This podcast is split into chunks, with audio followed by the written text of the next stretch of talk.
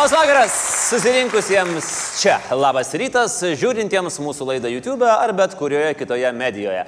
Laikykitės ten su Andrimi Tapinu, sveikinasi su jumis iš Kedainių. Iš miesto, kuris turi tiek daug turistinio ir erotinio potencialo. Įsivaizduokite, kiek čia suplūstų 50 pilkų atspalvių fanių, jeigu sužinotų, o tai tiesa, kad būtent Kedainiuose stovi Grėjaus namas. Įsivaizduojat, kiek yra pinigų. Žmonės, imkite pinigus, kedainiai, imkite pinigus. O jeigu rimtai, tai viešnagė kedainiuose ir pasivaikščiojimą po senamestį būtinai įsitraukit į savo šių metų kelionių planą, praleisit labai smagiai laiką. O kad jau mus žiūrite, nepamirškite mūsų užsiprenumeruoti ir YouTube. Ir jeigu jums patinka tai, ką darome ir dar darysime ateityje, pagalvokit, gal verta paskirti Laisvės televizijai 2 procentus savo pajamų mokesčio. Kaip tai padaryti, paaiškinta laidos aprašyme. O šiaip turbūt pastebėjot, kad šiandien pas mus visko mažiau. Stalas mažesnis, šviesų mažiau, kamera iš humanos tai veikia, o taip irgi tik tai padaužius, nes visus pinigus, tai yra pusantro tūkstančio eurų, išleidom protestui prie Seimo. Ir dar kartą ačiū visiems vienokią ar kitokią formą sudalyvavusiems proteste prie Seimo, mes kaltinam. Jūsų tikrai susirinko apie 6 tūkstančius, tai yra daugiau negu molėtai. Nors yra sakančių, kad piko metu susirinkusiųjų skaičius peržengė 10 tūkstančių, tai jau daugiau negu anikščiai. Laisvės televizijos kanale protestą vienu metu stebėjo tiesiogiai iki 27 tūkstančių žmonių ir tai jau daugiau negu kėdainiai. O iki dabar protesto video peržiūrėtas 130 tūkstančių kartų. Nepykit šiauliai ir ačiū Lietuvai. Protestas nepraslydo ir pro glaukomos nepaliestas Seimo narės Levutės Staniuvienės akutes. Švietimo ir mokslo komiteto narė ir buvusi pradinių klasių mokytoja. Iki šiol labiausiai žinoma dėl kabojimo ant šakos. Ketvirtadienį pasidalino žydomo antivalstybininko, turinčio svajonių atkurti komunistų partiją eilėraščiu. Mes nebekaltinam, mes deklamuojam. Glaukomos pažeistom akim ir vaško prikimštom ausim snukeknygės pukuoti teletabiai ropojo į protestą. Mes kaltinam girgždėjo selfisnukiai, primergdami nuo realaus pasaulio jau atpratusias akis. Mes kaltinam, jiems pritarė keli nukvakę seniai. Jie kaltina, prapliupo žurnalistinis kiekšynas. Valio, sušuko protestui pribrendusi tauta. Pirmin herojai!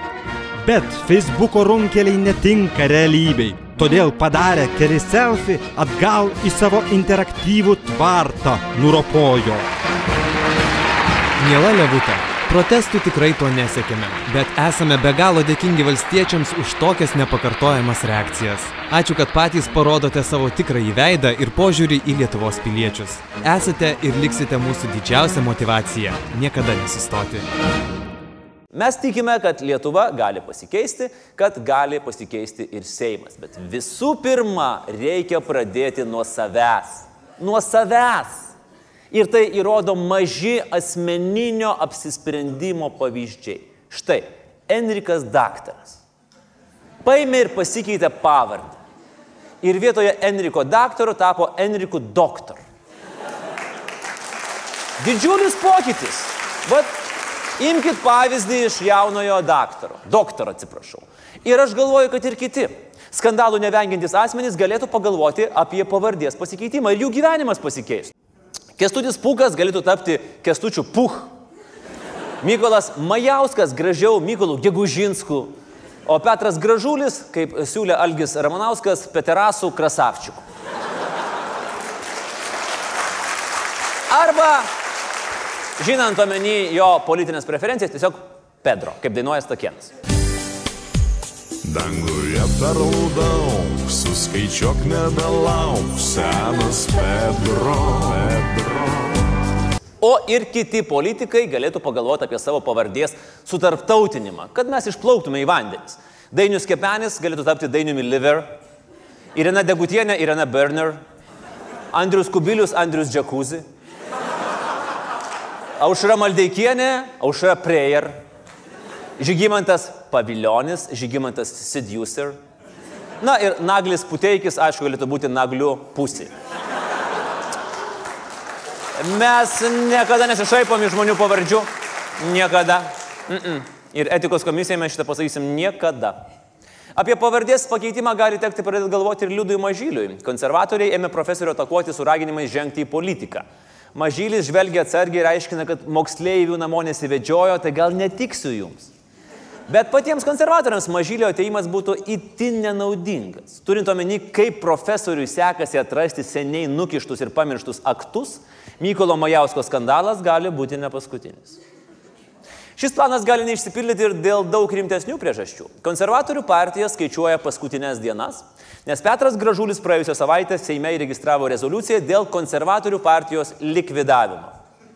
Seimo narys tiesiai iš kosmoso kreipėsi į Teisingumo ministeriją ir nurodė, kad konservatoriai Seimo yra pripažinti turintis teroristinės organizacijos požymių turinčio grupuotę.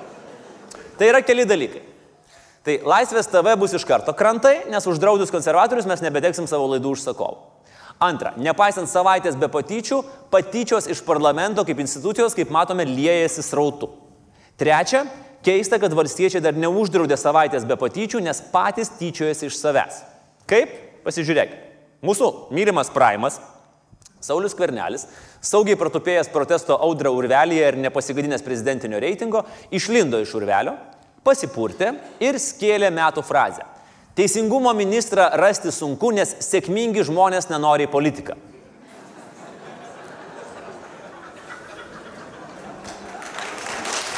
Nu, bet. Ir mintis kyla įvairios. Premjeras, aišku, labai savikritiškas. Jau toks savikritiškas, kad netgi pradeda autopatyčios pats iš savęs ir mes sakom, stop, stop, stop, patyčioms iš savęs, premjerė, mes su jumis. Prieš užsinorėdamas į politiką jūs nebuvote jau toks loseris.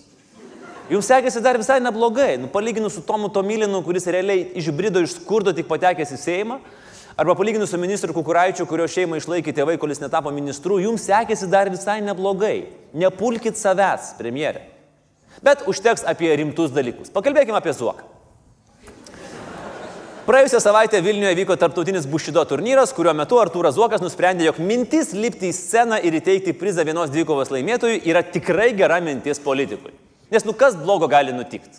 Visi juk žino, kad sporto renginiuose, ypatingai Bušido, politikai yra patys mėgstamiausi asmenys. Nu, Zuoka be abejo publika nušvilpė. Kas Bušido kalboje reikštų, kad jam buvo atliktas moralinis Bostono krabas. Na, kaip netikėta. Bet Bušido kovotojai Zuoką turėtų gerbti vis dėlto. Tiek metų gyventi būnant nuolatiniam politiniam nokaute, nu, yra verta pagarbos. Savikritika politikams, ponai, labai svarbu. Štai buvęs kultūros ministras ir dar kelias savaitės darbo partijai vadovausiantis Šarūnas Birutis Facebook'e atliko testą, kas jis būtų ir savikritiškai paviešino.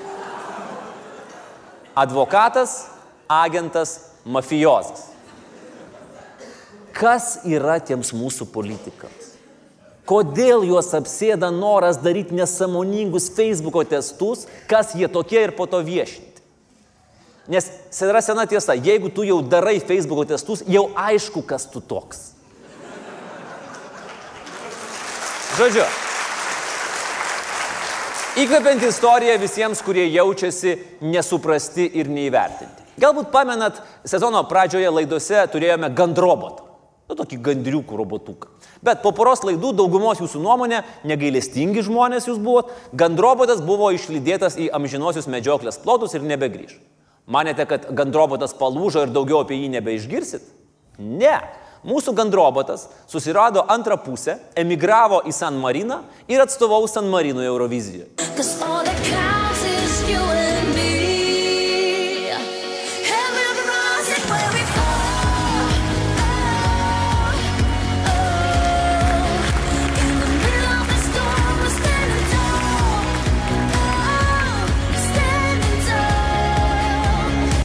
Ir San Marine netgi žmonės ėmė sakyti, solevato come un gandroboto dalę čenerį.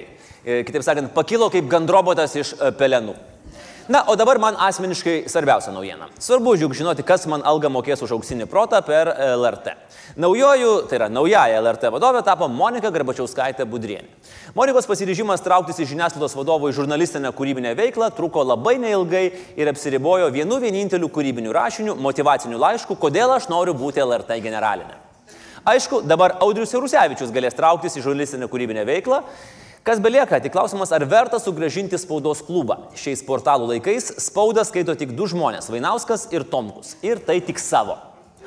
O šiaip sveikinam Moniką ir sveikinam LRT su pirmąją klikbaitinę antraštę. Panašu, kad jų bus dar gerokai daugiau.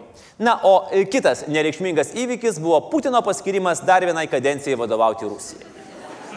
Reikia pripažinti, kad Rusijai prezidento rinkimuose jau kuris laikas nesiseka. Štai neseniai Rusija išsirinko Amerikos prezidentą ir jau ėmė gailėtis.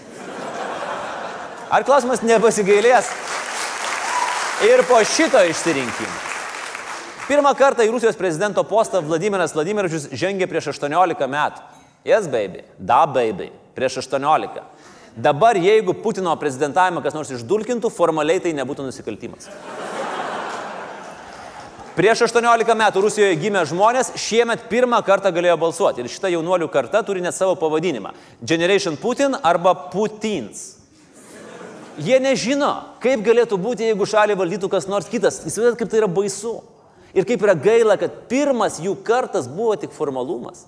Kai kurie net nespėjo biuletenio įkišti, o rinkimai baigėsi ir prezidentas išrinktas.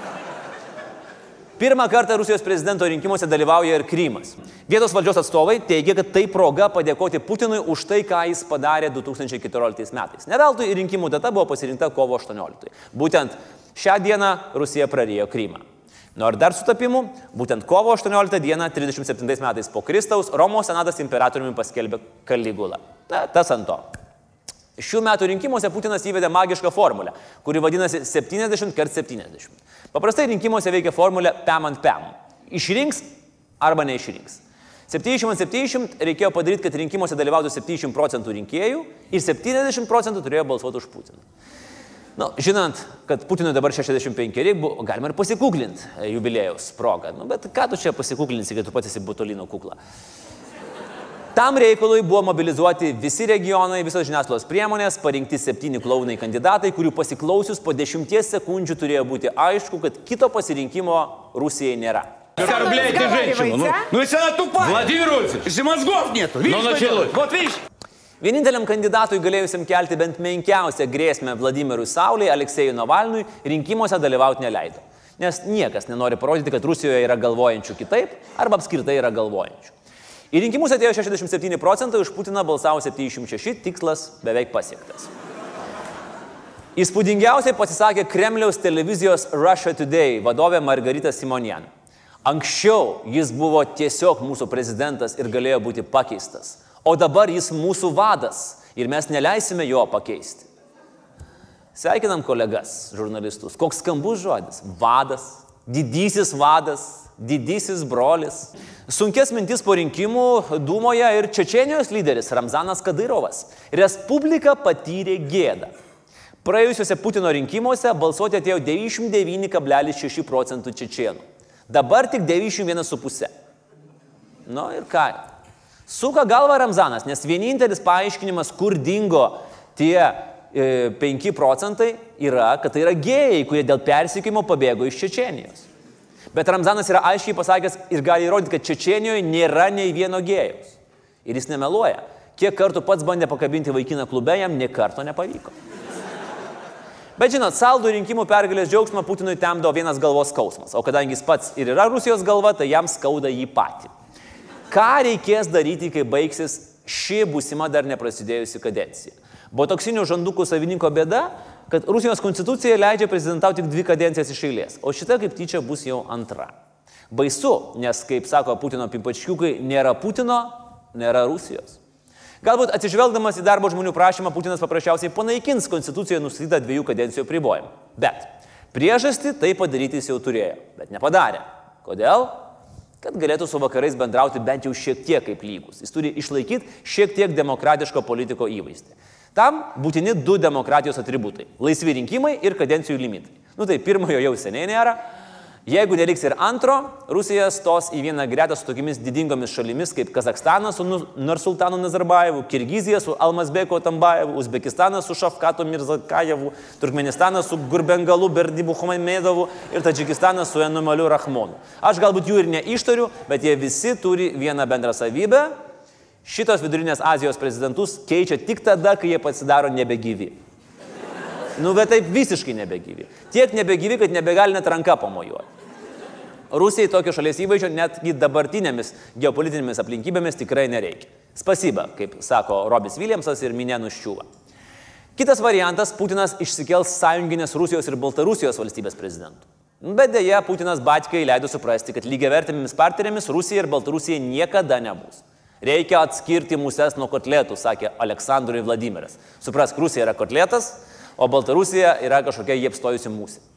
Batka įsižeidė. Bet geopolitikos konstanta sako, bulvių derlius yra tiesiogiai proporcingas Batkos įsižeidimui. Ir jeigu bulvių derlius per kalėdas prastas, Batka darosi labai labai sukalbamas. Arba, pavyzdžiui, botoksinis diktatorius galėtų susirasti įpėdinį. Bet tokį variantą jau bandė su Dima Medvedevu ir panašu, kad neliko sužavėtas. Gal tą įpėdinį reiktų skirti kokio vieno mėnesio kadencijai, tada pakeisti konstituciją ir ateiti visiems laikams. Įžulu ir pradiškai neįmanoma, bet čia mums taip atrodo. Pats nemaloniausias variantas būtų į naujosios kadencijos pabaigą kilsiantis rimtas karinis konfliktas. Nu, kad ir su NATO. Pavyzdžiui, su Valkų koridoriuje. Paskelbti Rusijoje nepaprastąją padėtį, o tada jau rinkimai palauks. Tiek, kiek reikės. Na, šito galėjau ir nesakyti. Putinui naujų idėjų nereikia siūlyti.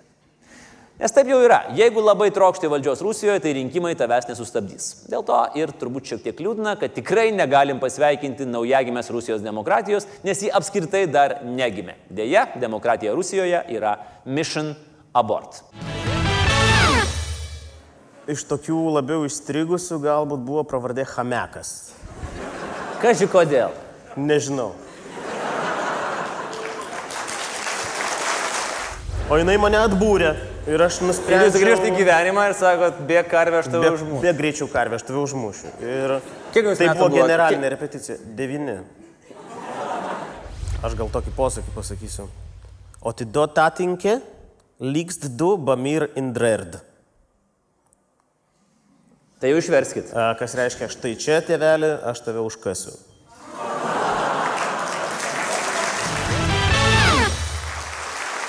Šiandien pakalbėkime apie tai, apie ką Lietuva šneka jau visą savaitę. Ne, ne apie tai, kad vėl reikia persukti laikrodį, sunku atsikelti, karvės pasimetusius. Ne, ir net ne apie tumino tankus. Pakalbėkim apie protestus.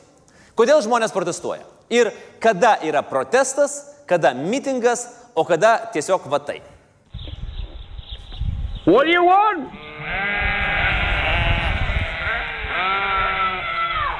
When do you want it? Do you want it?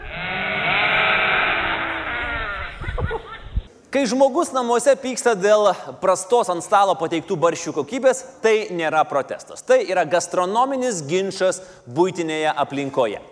Protestai gali būti politiniai, socialiniai arba kultūriniai. Politiniais protestais prieš valdžią dažniausiai norima pakeisti politinę situaciją. Kartais jie spėriai perauga iš vieno lygio į kitą. Prisiminkime, Ukrainos Maidanas prasidėjo nuo paburbėjimų, kodėl Janukovičius nepasirašė asocijuotos sutarties su ES.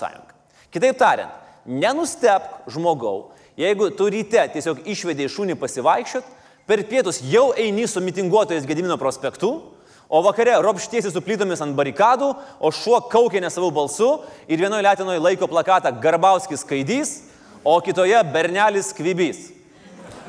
Socialiniais protestais siekiama pakeisti susidariusią socialinę padėtį, spręsti neligybės problemą, keisti mokesčių sistemą, įgyvendinti švietimo reformą ir siekti, kad būtų paisoma žmogaus teisų, gyvūnų teisų, robotų teisų, teisų fotkinti su duršliku ant galvos, teisėms teisų ir taip toliau.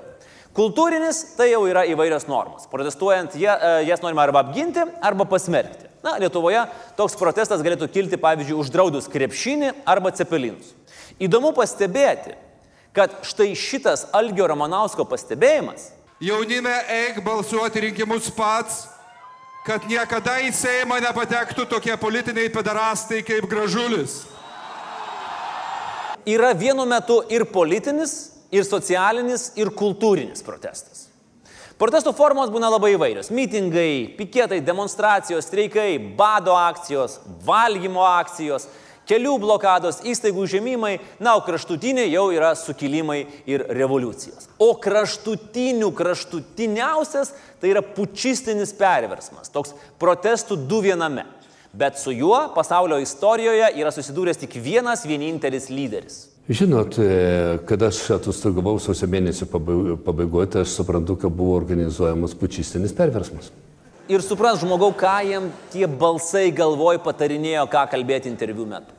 Protestas priemonė būti išgirstiems, priemonė naudojamasi dviejopai - sankcionuotai arba ne. Jeigu protestas nesankcionuotas, jo organizatoriams grėsia artima pažinti su teisėjas sauga ir apsilankimas tam tikroje įstaigoje, į kurią jis bus pristatytas ne kalėdinėmis lemputėmis papuoštų automobiliu ir nespalvotais balionėliais nešinų pareigų. Kitas variantas - gauni leidimą, nusišvaksuoji batus, pasiriši kaklaraištį ir į protesto dalyvius kreipiesi civilizuotai.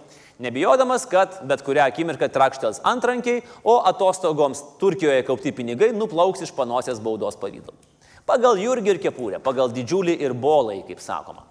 Demokratinėje valstybėje protestuojant taikiai tikimasi to, tokio paties atsako. Išėjus su šakėm galima gauti ašarinių dujų ir bananų, bet ne tų, kurie yra kalio šaltinis ir suteikia energijos. Totalitarinėse valstybėse yra paprasčiau. Jokio skirtumo, kaip protestuoji. Net jeigu tu turi rankose po tris taikos balandžius su alyvų šakelėmis, gali būti tikras, kad tave ten nešios ant rankų. Kartais protestai dėl savo pobūdžio įgyja metaforiškus pavadinimus. Labai dažnai jie tampa spalvotosiomis arba gilėtosiomis revoliucijomis. Na, pavyzdžiui, 2004 metais Ukrainoje prasidėjo neramumai, vadinami oranžinė revoliucija. Ji kilo po to, kai Ukrainos prezidentu buvo išrinktas Viktoras Janukovičius, o ne Viktoras Juščink. Mes vieną oranžinę revoliuciją irgi turėjom, kai oranžinis liberalas Masiulis dėžiai nerado oranžinio skyšio ir protestuodamas dabar jau pat žada užsidaryti už grotų, galbūt net ir ilgam. Baltarusijoje 2006 metais įvyko mėlynieji protestai, dar vadinamoji džinsinė arba rūgegelių revoliucija.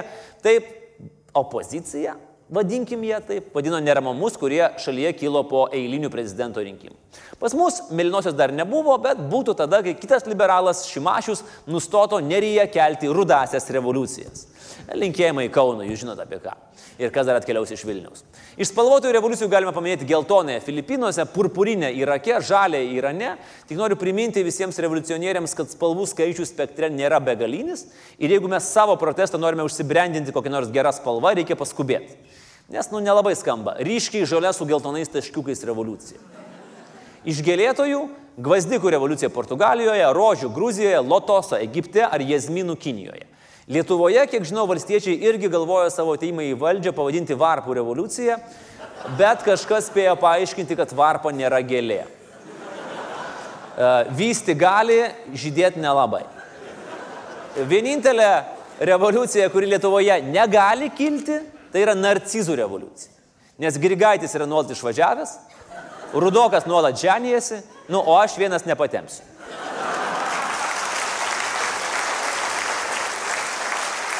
Laikotarpis, per kurį Lietuva siekia atsiskirti nuo Sovietų sąjungos, vadinamas dainuojančio revoliucija. Ir kai 94 metais pirmą kartą siuntėm savo atstovą į Euroviziją, tikrai negalėjom pagalvoti, kad per 23 metus Europa mūsų balso vis dar neįvertins. Vėl netie ir vėl netie dainuojančios revoliucijos atstovai. Kartais protestai išsiskiria ir priemonėmis. Europos žemdirbiai žygiavo į Briuselį ne tik su polėkiu, bet ir su traktoriais, karvėm, kiaušiniais, šienu, kuris buvo sudėtas pramaišių su padangomis ir į nusidėjusių institucijų langus paleido juodus kaip smala dūmai. Briuselio gatves užliejo karvių pienas ir tų pačių karvių mėšlas, institucijų langus skrido kiaušiniai, o į kantriai komandos laukiančius reušio policijos pareigūnus skriejo pieno čiuršklės tiesiai iš karvių spenio. Tai vad, ko taip mūsų politikai tą Briuselį veržėsi, ten literaliai gatvėse pieno upės teka. Kartais stebina ir valdžios arba žiniasklaidos reakcija. 13 metais Turkijoje Stambulo Gezi parke prieš parko užstatymą taikiai protestuojantys žmonės buvo pašlakstyti ašariniam dujom, guminiam kulkom ir gaivinami, kad neperkeistų vandens patrankomis. Transliuotojai, užuot tiesiogiai komentavę protestų eigą ir rengę reportažus, rodė kulinarinę laidą, dokumentinį filmą apie Adolfą Hitlerį ir dokumentinį filmą apie pingvinus. Ir būtent pingvinai tapo šių protestų simboliu, arba tiksliau, žiniasklaidos abejingumo protestams simboliu. Dar galime prisiminti, kad per 91 metų pučą išvertusi tuometinį prezidentą Mikhailą Gorbačiovą iš posto, valstybinė Kremliaus televizija transliavo Gulbių ežerą. Žodžiu, jeigu per teliką Lietuvoje rodo paukščius, žinokit, kad mūsų šalyje vyksta kažkas negero.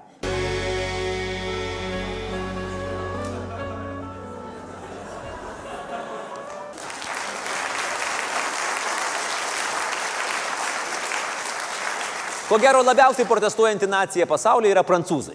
Paryžiaus universiteto studentai streikavo jau 13 amžiuje. Tiesa, giliotinos išradimas poreikį viešai išrėkti savo tiesą apmažino, nes greitai galėjai likti be padargo tiesai išrėkti. Bet šiandien prancūzai mums asocijuojasi ne tik su kruozanais, vynu ir meilės trikampiais, bet ir su kova už savo teisės išėjus į gatves. Atimk iš prancūzo kruozaną, bet noro streikuoti netimsi. Lietuviškoje šeimoje pirmas atsikėlęs verda kavą, prancūziškoje eina protestuoti. Streikai Prancūzijoje vyksta garsiai ir trankiai. Kuo trankesnis protestas, tuo daugiau žiniasklaidos dėmesio. Išvertus iš šio laikinę kalbą, kuo daugiau selfių, tuo daugiau klikbaitų. Viena vertus, Prancūzijoje yra labai stiprios profesinės sąjungos. Ir tai nėra tos sovietinių raugų pradvisusios tarpusavėje besirienčios, pačios nežinančios, ko nori ir vos tik tai dešimtadalį darbuotojų vieninčios profsąjungos. Jos yra tikros profesinės sąjungos, kurios gali išvesti į gatves milijonų žmonių. Kita vertus, Šiaurės Europos šalyse protestai prasideda nuo to, kai nutrūksta dėrybos. Prancūzijoje gerokai iki prasidedant dėrybų. Toks streikų aperityvas. Prancūzai visada prieš pradėdami spręsti problemą ją susikūrė o paskui bet kuriuo atveju geria vyną. Bet nesiplėsim, nes jau po aštuntos ir galim gauti baudą. Lietuvai yra sunku lyginti su didžiausiais protestais ar su labiausiai protestuojančiam šalimis. Mahatmos Gandžio kokiam nors pusryčių proteste dalyvavo daugiau žmonių negu Lietuvoje apskritai yra gyventojų, o suimtųjų per protestus būdavo daugiau negu Lietuvos kalėjimuose nuteistųjų. Tačiau šiokią tokią protestų istoriją mes turime. Nesileiskim į sąjūdžio laikus, roko maršus, o geriau apžvelkim, dėl ko protestavom jau atgavę nepriklausomybę. Ir yra trys protestų titanai, tarsi trys klasikiniai filmai. Skrydis virš Pakso lizdo, Kubiliaus nublokšti ir košmaras Klonio gatvėje. Rolando Pakso ateimas ir išėjimas iš valdžios scenos vertas ne ką prastesnio serialo nei Naisių vasara. Nors, nu, prastesnį jau sunku sukurti, bet scenarius ten rašėsi pats. Romantiškas lakūnas, turtingas verslininkas iš rytų, ateitį matanti gruzinė, politinis verpetas. Va tikrai tokiam dalykui reikėtų filmų. Stop. Jūs gal nepamenat, bet buvo filmas apie drąsų pilotą ir jam kenkiančius blogiečius. O kaip dėl palaikymo? Visi už. Visos didžiosios partijos, jų rėmėjai. Na ir pagrindinė žiniasklaida, jeigu tinkamai pafinansuosim. O kas bus, jeigu mes sukelsim skandalą, o jis pats nepasitrauks ir dar sugebės perimti saugumą? Nu, tada tai jau jums visiems šakės. O Ramūnas tuo metu sukiojasi po filmavimo aikštelę ir užsirašinėja, užsirašinėja, užsirašinėja. Per Pakso apkaltą vykę protestai įtraukė beveik visus. Turėjai būti už arba prieš prezidentą. Mes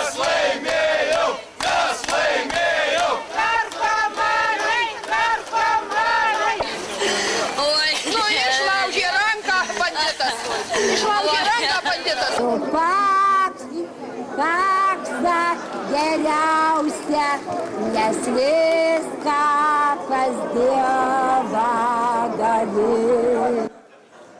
Tuo metu dar nebuvo socialinių tinklų, kur galima išsilieti, tad e, Pakso rėmėjai visą tiesą sakė į kameras. Komunistai tokie kaip ir dar blogiau, komunistai tai, tai eiliniai, tai dar nieko baisaus, bet kagebistai kaip Paulauskas, kagebisto sunus, kuriuos mes šaudėm tiesiog ir kartais mes vėliau pagalvojom, gal nereikėjo. Ahaha.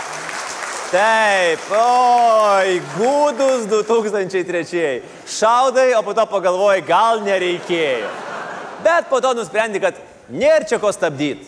Gal reikėjo daugiau pasisakyti. Mes dabar aš galvoju, mes per mažai jų iššaudėm. Mėly bičiuliai, kita viešojo kalbėjimo pamoka, jeigu užsimerki ir rėki, visada yra geriau. Vienas dalykas, labai didelis ačiū br prezidentui Paksui už tai, kad jis yra stiprus, ištvermingas ir neatsistatė. Tai tik pastebėsiu, kad vis dėlto vad būna, kad liežuvis susipina ir tas prezidentas Bra, tai yra prezidentas Paksas iki šiol, ir aš dar pasakysiu visiškai teisybę, jis iki šiol neatsistatė. 2009 metais prie Seimo įvyko istorinė atkuriamoji inscenizacija. Tauta vaidino kryžiuočius, o Seimas pilėnus. Nepatenkinti Kubiliaus valdžia reformomis žmonės išlėjo pykti ant nieko dėtų langų. Nu čia visi mėto, kas tik turi. O kodėl? Kodėl? Pikti ant valdžios. A manot, kad tai padės? Aišku, padės. Padės, tik tai padės. O ką, tylėti? Tikrai toks įkvepiantis už Lietuvą kovojusių patriotų veidų portretas. Čia iš tų, kur tamsiame skersgatvėje tavęs klausia, Agirs Čiūvas, a tu Lietuvą myli? Ir tu supranti, kad kaip tu bet sakytum, vis tiek gausi snukį.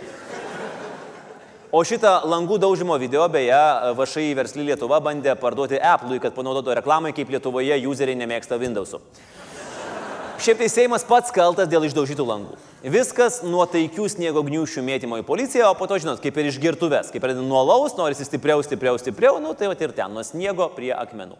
Ką daro italas arba prancūzas ruoždamasis mitingui, protestui? Jisai susirenka iš visų pakampių galiojimo laiką pramiegojusius maisto produktus. Nu, kiaušinius, kopūstus, pomidorus pašvinkusius. Tik sūrių jie jau taip dvokia, kad mėtyti protestuojant draudžia Ženevos konvencija. Ką daro lietuvis tais metais prie Seimo? Eina visko pirkti maksimą. Stovi eilė ir perka kiaušinius vad grinai Seimo apmėtymo tikslais. Įsivaizduoju dialogą. Stovi protestuotojai pikti, visi įtūžę, kubilius tuoj. A, ačiū kortelę turit? Ai, pamiršau, pamiršau. Gal kas ačiū kortelę turit, gal kas ačiū kortelę, kas gal... A, va, imk mano. A, maišelio reikės. Ne, aš ne, aš pamėtyti imu tik tai. Nors, ne, bendrai duokit. Didelį ar mažą? Gal didelį, nes, nu, bubilius kibys vis dėlto. Ir tada toksai masinis juokas eiliai, nu panašus kaip, kaip per mūsų šau, kai e, niekas nesijuokia ir mūsų niekas nežiūri ir mūsų mitingus niekas neteina, tai mūsų uždedam tokį vat feikinį juoką. O šiaip, pagrindinė priežastis, kodėl per mūsų organizuotą protestą mes kaltinam nedužo langai, labai paprastai. Devintais metais protestavo pikti darbo netekę statybininkai, kurie specializuojasi plytų mėtime į tolimus atstumus. Pas mus susirinko kas? Akademinis jaunimas. Jis plytų nepakelia. O jeigu ir pakelia, tai nežino, kaip taisyklingai mesti. Pats mačiau, kaip trys protestuotojai bandė išlūpti plytelę iš grindinio. Tada paprašiau vaikų, kad YouTube rastų filmuką plytų mėtymas į parlamentą žaliems. Ir neradę, kaip tai padaryti, išėjau prašyti pagalbos tos hebros, kur mitingavo už žalės legalizavimą. Paskutinėmis žiniomis dar jie išėjo. O vyresnio amžiaus protestuotojai praeitą savaitę, jie turi patirties su Landsbergiu ardydami kolūkius, tai patys išslupo tas plytas, pažiūrėjo, pažiūrėjo, įsidėjo į maišelius Ramūnas sako, kad krizė jau čia pat, tai negi dabar gerą daiktą mėtis. Na, bet nesvarbu, kas vyksta Vilniuje. Kaunas arba pakaunė viską padarys geriau. Ir padarė. Jeigu dar galėjai nusispjauti į Pakso istoriją, o prie Seimo langų nedaužyti, tai įvykiai Klonio gatvėje abejingų nepaliko. Dar po šiai dienai aptariant šią temą šioje salėje nejauku, kad kas nors nepaleistų kiaušinių. Protestai prie Venskienės namų turėjo viską, o viską - palapinių miestelį, psichotropinę kaldrytę, koncertus, cirką, politikų kalbas, interneto transliacijas, grumtinės su policija, samokslo teorijas, maldas, naujai atsiradusią partiją ir, kaip visi rėkia Facebook'e, tikrai turime ko pasimokyti iš garliavos. Ir netgi kaip jau praėjo krūva metų, o teta tuoj tuoj pargabens iš Čikagos, protestai vyksta vis dar. Ir kai mes filmuojam, Prie Amerikos ambasados vyko protestas, tiesa atėjo tik tai keli žmonės, o ir tiems patiems, kaip pastebėjo Lietuvos ryto fotografai, angliškas žodis asylum atrodo neįveikiamas, nes plakate jie užsirašo alisum. Suteikit neringai alisum. O šiaip lietuviai galėtų protestuoti daugiau, juk negali būti, kad tik politikai mūsų užknisa. Bėda, kad nevyriausybinės organizacijos vos kvepuoja ir dargi viena akelė skersuoja į valstybinių pinigų čiurkšlę, ar neužtrumpins, jeigu per garsiai kalbėsim. Protestų idėją diskredituoja ir marginaliniai reiksniai, ar su Latvijų gatve viena gyja susirišę badautojai daukanto aikštėje. Bet nieko. Viena krekždė ne pavasaris, kaip sako Januko išdaiga šnairuojantis senelis. Mūsų Seimas yra pasiryžęs padaryti viską, o viską, kad iki kadencijos galo išmokyti mus protestuoti taip, kaip niekada dar neprotestavo. O ką mes? Mes pikti, mums nepatinka, Mes kaltinami nepasitikėjimu Seimu. Jis toks didelis, kad ir nesusiturėjom. Viens, du ir protestas. Bet vienas ramus liežuvis plaka, kad pasitikėjimas Seimu kaip tik išaugo. Dabar kalba yra apie pasitikėjimo Seimu, kurio yra beveik nebelikė. Sutinkat su tuo Kieno ar ne? pasitikėjimo nebelikė. Jūs žinote tokius duomenys. Šiandien. Taip. Gerai. Mėly, mėly žmonės. Gausim tuoj duomenis. Mė... Mėly žmonės, Taip. šiandien yra apklausos duomenys. Praeitą mėnesį 11 procentų išaugo pasitikėjimas Seimu. Per mėnesį 11 procentų. Kas darė kokį- apklausą? Apklausa Baltijos tyrimai. Bet per mėnesį. Kaip per mėnesį 11 procentų, čia yra faktas. Čia yra faktas, sako pirmininkas. Šiandien, kai filmavom laidą, jis taip pat pasakė, kad jeigu būtų dar pusantros valandos buvęs ant scenos, minė jam būtų pradėjus ploti. Man patinka, ką jis rūko. Iš tikrųjų, tai yra labai rimti dalykai. O faktai pirmininkui. O faktai pirmininkui patinka, nes jais galima manipuliuoti. Apklausos apie išaugusį pasitikėjimą Seimu buvo darytos vasarį, kai Seimas nedirbo ir negalėjo daryti nesąmonių. O politikai netgi atrodė visai neblogai, vaikščiodami su trispalvėmis vėliavėlėmis ir kalbėdami apie valstybę. Daugiau laimės visuomeniai gali sukelti tik tai nedirbantis duopkasys. O kai jau susirinko kovo mėnesį pasidarbuot, tai ir prisidirbo protestą ir pamatysime, koksgi bus pasitikėjimas Seimų kovą. Seimas nepritarė idėjai netgi pateikti svarstyti mintį dėl pirmalaikių rinkimų. Na, bet bent jau davė progą pasigėrėti mūsų išrinktų Seimo narių minties viražais. Tai aš kviečiu gerbiamą Andrių Kubilių, dedam kartu mandatus, jūs pasirinkite bet kurią apygardą ir pirmin, pasitikrinam pasitikėjimą. Fantastika. Va čia yra mentalitetas. Persimentam ant mandato. Ateini čia žasinė, viens ant vieno. Ateini čia, kam sakau, ateini čia, dedi mandatą ant stalo ir einam viens ant vieno. Ja, geriau jau ponas Aršys pažiūrėtų, kaip jį kreipiasi protesto dalyviai plakatus. Na, Dėl rinkimų nieko naujo. Parlamentas Lietuvoje pasileido tik vieną kartą, kai 92 metais įvyko pirmalaikiai rinkimai į aukščiausią tarybą. O kaip kitur? Praėjusią savaitę tūkstančiai žmonių išėjo gatves Slovakijoje. Tokio masto protesto rezultatas - Slovakijos premjeras Robertas Fico valdžioje buvęs beveik dešimtmetį atsistatydino, o prezidentas atmetė naują ministrų kabinetą. Protestai tebesitėse, Slovakai be pirmalaikių nenurims. Neseniai buvo paskelbti pirmalaikiai Venezueloje, nu bet ten visą laiką tai būna. Latviai 2011 metais turėjo pirmalaikius rinkimus, kai prezidento Zatlerio siūlymo įvyko referendumas dėl Latvijos Seimo paleidimo. Po skandalo, kai buvo nepanaikinta teisinė neliečiamybė vienam gerokai prisidirbusiam parlamentarui. Kažkur keistai girdėta situacija. Lenkijoje Seimas pats save paleido į neribotas atostogas 2007 metais po didžiulio korupcijos skandalo, kurio centre atsidūrė valdančiųjų koalicijos Lenkijos savyginos partijos lyderis. Taip, dar kartą mes galim patvirtinti, kad Lenkai turi geriausias partijų pavadinimus Europoje. Savyginos koalicija, e, partija PIS e, ir taip toliau. Bet jokia savygina Savyginos partijai nepadėjo ir po rinkimų į Seimą ji nebuvo išrinkta. Faktas vienas - Lietuvos Seime yra krizė. Niekas nedirba savo darbo, visi tik tai riejasi tarpusavyje ir artimiausių metų geriau nebus. Nebent pilietinė visuomenė, kuri atliko pirmąjį skambutį mūsų parlamentarams, nenuleis garo, nenukreips dėmesio ir kvepuos jiems į pakaušį. O kai tau už nugaros stovi minė, net jeigu nesi Petras Gražulis, darosi nejauku ir atsiranda noras dirbti. O juk to mes ir norim. Seimo narys - prestižinė profesija iki 2024 metų. Paprasta idėja Lietuvai ir jaunai mūsų demokratijai. O dabar pakalbėkim apie kedainius. Ir šiandien filmuojame kedainiuose, kuriuos kartą labai seniai tolimoje galaktikoje valdė galingas imperatorius ir jo klonų armija. Imperatorius regėjusi nenugalimas, o kedainių bastionas nepaimamas. 2008 metais imperatoriaus klonų armija per rinkimus su jaunimu, lol, ėmė 40 procentų balsų. 2011 savivaldoje Kedainiuose 54 procentus. 2012 metais 46 procentus.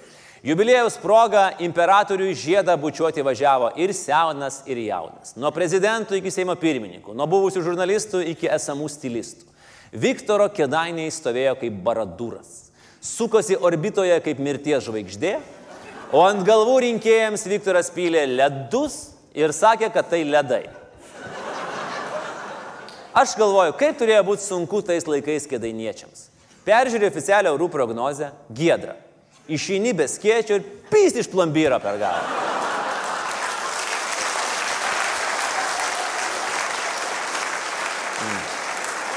Aš tik priminsiu, kad kai iš dangaus krenta ledai, meteorologai tai vadina kruša, šiuo konkrečiu atveju smegenų. Ir kėdaniečius už, užkniso. Užkniso būti bombarduojamiems plombyro.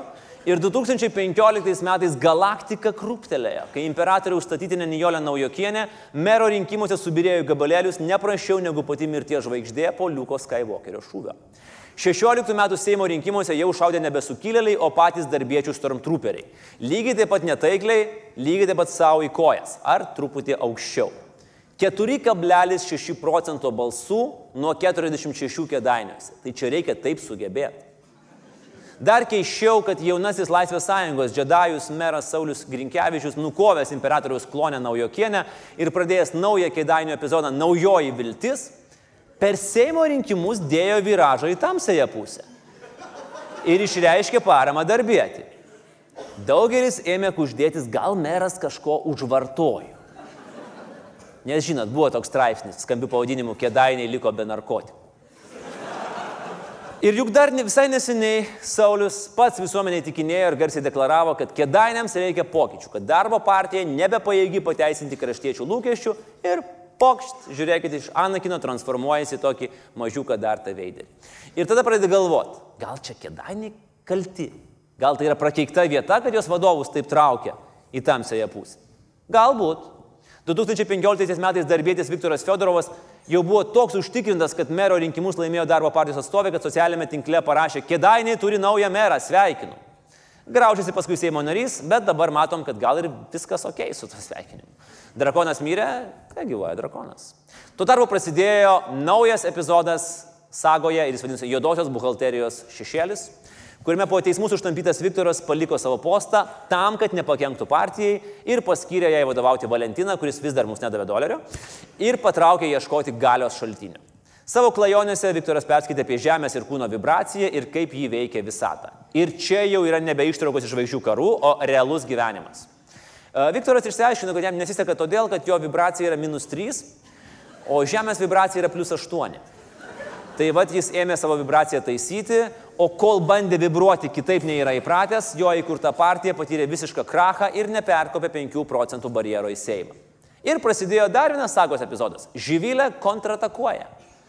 Pasitraukus Mazuroniui ir Gapšiui, širvintų žyviliukas pajuto, kad pagaliau gali pasiekti tai, kas iš moterų yra pavykę tik didžiajai didmeistriai Loretai Graužinieniai perimti galingiausio imperijos kreiserio vairą ir vesti žmonės į ateitį, kurioje kėdainiai ir širvintos praspiria Jonavą su Ukmerge ir susilieja į vieną megapolį Živiliukas City. Bet šitas, šitas sagos epizodas buvo labai trumpas. Dar trumpesnis negu moksleivių viešnagė pas Majauską ar Landsbergio svajonės apie premjero postą. Prasidėjo trečiasis epizodas - Pirdylos sugrįžimas. Ir tai yra ne mūsų, o paties imperatoriaus ir jos sitų lordų žodžių. Viktorui nusprendus grįžti į partiją, Žyvilė pareiškė atsistatydinanti ir ji taip pat teigia, kad tai visiškai nesusiję su Viktoru Spaskiku, kad ji tiesiog malšina aistras partijai. Nu čia kaip pabėgti iš degančio namo ir sakyti, kad išėjai dėl to, kad ten to per šviesų. Akis kauna. Balandį vyks nauji darbo partijos pirmininko rinkimai, kurių baigtis tokia pati intriguojanti kaip ir bet kurie rinkimai Rusijoje. Į sostą tikriausiai grįž imperatorius, kuris ir ves saviškius 2019 m. savivaldybių rinkimų link. O tada jau ir sužinosime, ar paskutinis darbo karų epizodas vadinsis darbiečių kerštas, ar kaip labiau tikėtina bus paskutinysis pirdyla. Juk darbo partijos reitingas šiuo metu yra vos 1,9 procento ir dar vieni pralaimėti rinkimai tikrai įkaltų paskutinę vinį į partijos karstą. Apie tai netrukus ir pasikalbėsime su sugrįžtančiu imperatoriumi Viktoru Uspaskichu. Tai aš žinau, čia Tapinskį atėjom. A kur, a kur šitie Viktoris Kiliko? Ko tai iš jūsų netimsi? Tai va tokio nuogo cinizmo. Nu, jūs meluojat, niekas neatsistatydino. Nu, nemeluoju. Nu, niekas Nu, neatsistatydino. išmetė pusę, o jūs galite Tik nežinoti. dabar, tik dabar jie ten vienas nuo kito nurašinėja kažkokius... Ne dabar jūs pradėjote šitą, taip. mielas Nu, Viktorai. nebaik. Viktorai, aš to- to- tokį klausimą turiu, bendrinį. O jūs, pavyzdžiui, ką nors galite sąžiningai padaryti? Ką? Sąžiningai padaryti ką nors. Ponės ir ponai, o tai buvo ir viskas šio vakaro laikykitės e, ten. Ačiū visiems žiūrėjusiems, žiūrėkite mus ir toliau YouTube. Visiems dėkoju uždėmesį, iki pasimatymo kitą savaitę. Ačiū ir laikykitės ten. Iki.